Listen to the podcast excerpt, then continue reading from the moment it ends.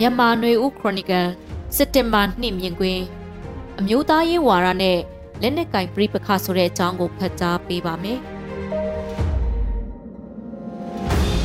ဆိုဗီယက်ပြည်ထောင်စုရဲ့ရွေးကောက်ခံရတဲ့ပထမဆုံးနဲ့နောက်ဆုံးသမ္မတဖြစ်ခဲ့သူ အသက်62နှစ်ရှိပြီဖြစ်တဲ့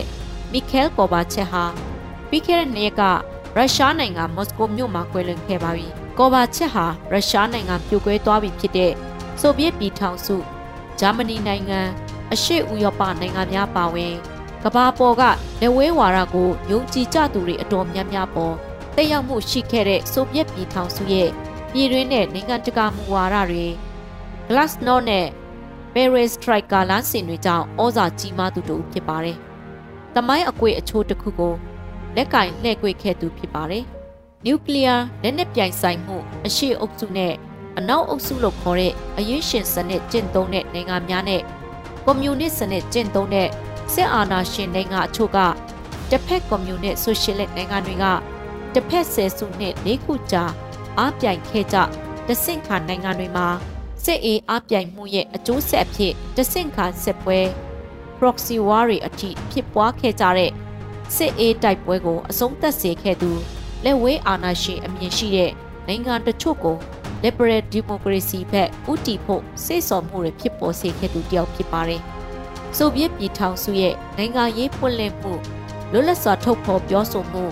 နိုင်ငံသားတိုင်းကိုစောင့်ကြည့်ထောက်လှမ်းနေတဲ့ပလိတ်နိုင်ငံအဖြစ်ကလူအခွင့်အရေးကိုလေးစားတဲ့ဒီမိုကရေစီအခွင့်အရေးရှိတဲ့နိုင်ငံဖြစ်တော့အသွင်ကူးပြောင်းဖို့လှုံ့ဆော်စေမှာပဲနေ့အနည်းငယ်အကြာမှာသူ့ရဲ့နိုင်ငံရေးလမ်းစစ်ကိုမတစ်တစ်တဲ့အင်အားစုတွေက သူ့ကိုအာဏာမဖယ်ရှားဖို့စ조사မှုတွေရုရှားအချို့သောလူထုကိုယ်တိုင်ကစီးပွားရေးအခက်အခဲတွေနဲ့ဆိုဗီယက်အင်ပါယာကြီးပြိုကွဲအောင်လုပ်သူအဖြစ်အမျိုးသားရေးဝါဒရှုထောင့်အထိုင်မှအပြစ်တင်ကြပြီးကိုဘာချက်ကသွေးထွက်တန်ယုံမရှိအင်အားသုံးခုခံကာကွယ်တာမရှိဘဲအာနာနီယာမှဖေရှားပေးခဲ့တာဖြစ်ပါတယ်။အဲ့နောက်ရုရှားနိုင်ငံကိုကောဘာချက်အစားလူအများကြိုက်တဲ့ခေါင်းဆောင်အဖြစ်နာမည်ကြီးလာသူ ဘောရစ်ယယ်ဆင်ကသမရအဖြစ်ရှင်းနှစ်ကျော်အုပ်ချုပ်ပြီးဘောရစ်ယယ်ဆင်က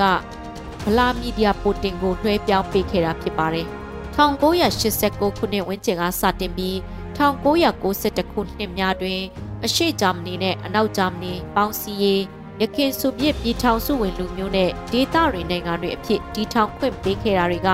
ဘောဘာချက်ကိုအနောက်ကဘာကအတိအမှတ်ပြုချီးကျူးခဲ့ကြပြီးတချို့သောရုရှားနိုင်ငံသားတွေကတော့ ဆိုဗီယက်ပြည်ထောင်စုပြိုကွဲသူဖြစ်ရှုမြင်ကြတာဖြစ်ပါတယ်။1922ခုနှစ်ဝန်းကျင်ကစပြီးဆိုဗီယက်ပြည်ထောင်စုကြီးအထက်အင်အားနဲ့စူးစီးထည့်သွင်းခဲ့တဲ့ပိုပိုင်အုပ်ချုပ်ခွင့်ရသမ္မတနိုင်ငံ14နိုင်ငံရှိခဲ့ပြီး1991နောက်ပိုင်းအဲ့ဒီနိုင်ငံတွေကတီးခြားနိုင်ငံတွေအဖြစ်ပေါ်ထွန်းလာခဲ့ပါတယ်။အမျိုးသားရေးဝါဒအားကောင်းလာခဲ့တာဖြစ်ပြီးအဲ့ဒီနိုင်ငံတွေထဲကအချို့ဟာအခုအခါ liberal democracy နိုင်ငံတွေအဖြစ်ပြောင်းလဲသွားခဲ့ပြီဖြစ်ပါတယ်။ အဲ့ဒီနိုင်ငံတွေအဖို့တော့အမျိုးသားရေးဝါဒဟာ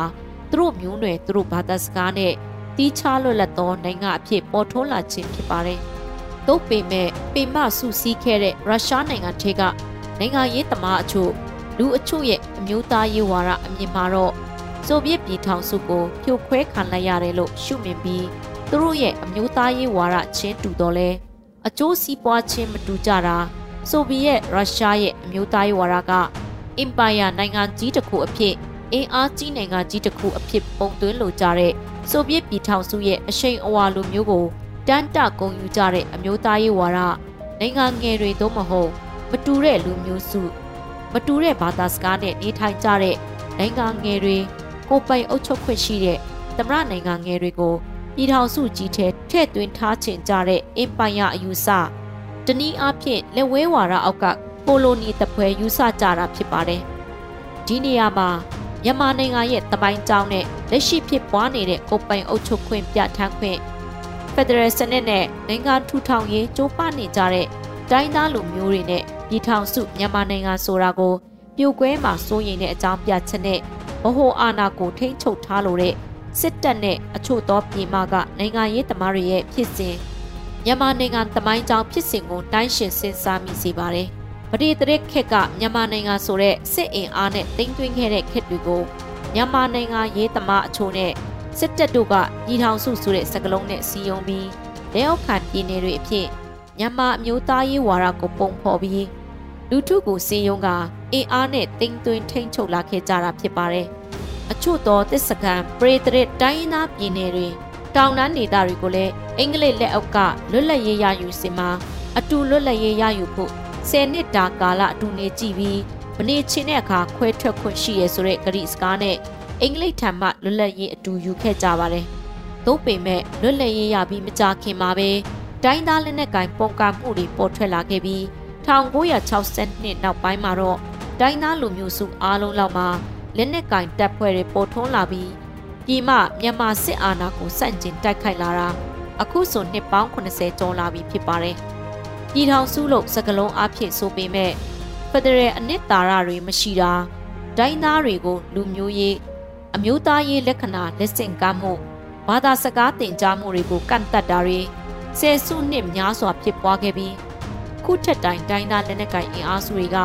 မြန်မာနိုင်ငံရေးမှာအရေးကြီးတဲ့အစိတ်ပိုင်းဖြစ်နေဆဲဖြစ်ပြီးနိုင်ငံရဲ့ပြည်တွင်းစစ်ပြဿနာ Federal Democracy ပြဿနာကိုအပြေရှားရမှာဗမာတွေရဲ့အမျိုးသားရေးဝါဒက ပြည်ထောင်စုမပြိုကွဲရေးလို့ဆိုနိုင်ပြီးတိုင်းသားတွေရဲ့အမျိုးသားရေးဝါဒနဲ့ဓာတ်ရိုက်အကျိုးစီးပွားခြင်းစန့်ကျင်နေတာဖြစ်ပါတယ်။မြန်မာနိုင်ငံရေးမှာဆယ်စုနှစ်များစွာကြီးစိုးခဲ့တဲ့ပြည်မစစ်တပ်ကပြည်ထောင်စုမပြိုကွဲရေးဆိုတဲ့အချက်ကိုကင်ဆွဲထားပြီးဆယ်စုနှစ်များစွာ၎င်းတို့ရဲ့နိုင်ငံရေးမှာ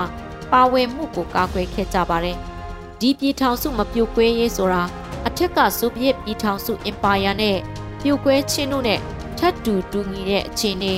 တမိုင်းနောက်ခံမဟုတ်တော့လဲစင်တူတဲ့သဘောမျိုးတွေလည်းရှိနေတာဖြစ်ပါတယ်။ဆိုဗီယက်ပြည်ထောင်စုပြိုကွဲသွားတာကိုလက်ပခံနိုင်တဲ့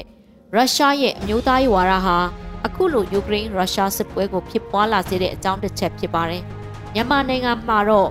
ဆယ်စုနှစ်ခုနှစ်ခုကျော်ကြာတဲ့ပြည်တွင်းစစ်တွေရဲ့အကြောင်းရင်းတွေထဲကိုပိုင်ပြဋ္ဌာန်းခွင့်ကိုပိုင်အုပ်ချုပ်ခွင့်တီးခြားလွတ်လပ်တဲ့ပြည်내ဒေသအဖြစ်ပေါ်ထွန်းလာရေးကိုဦးတည်ပြီး လက်နက်ကင်တိုက်ခတ်လာကြတဲ့အကြောင်းရင်းက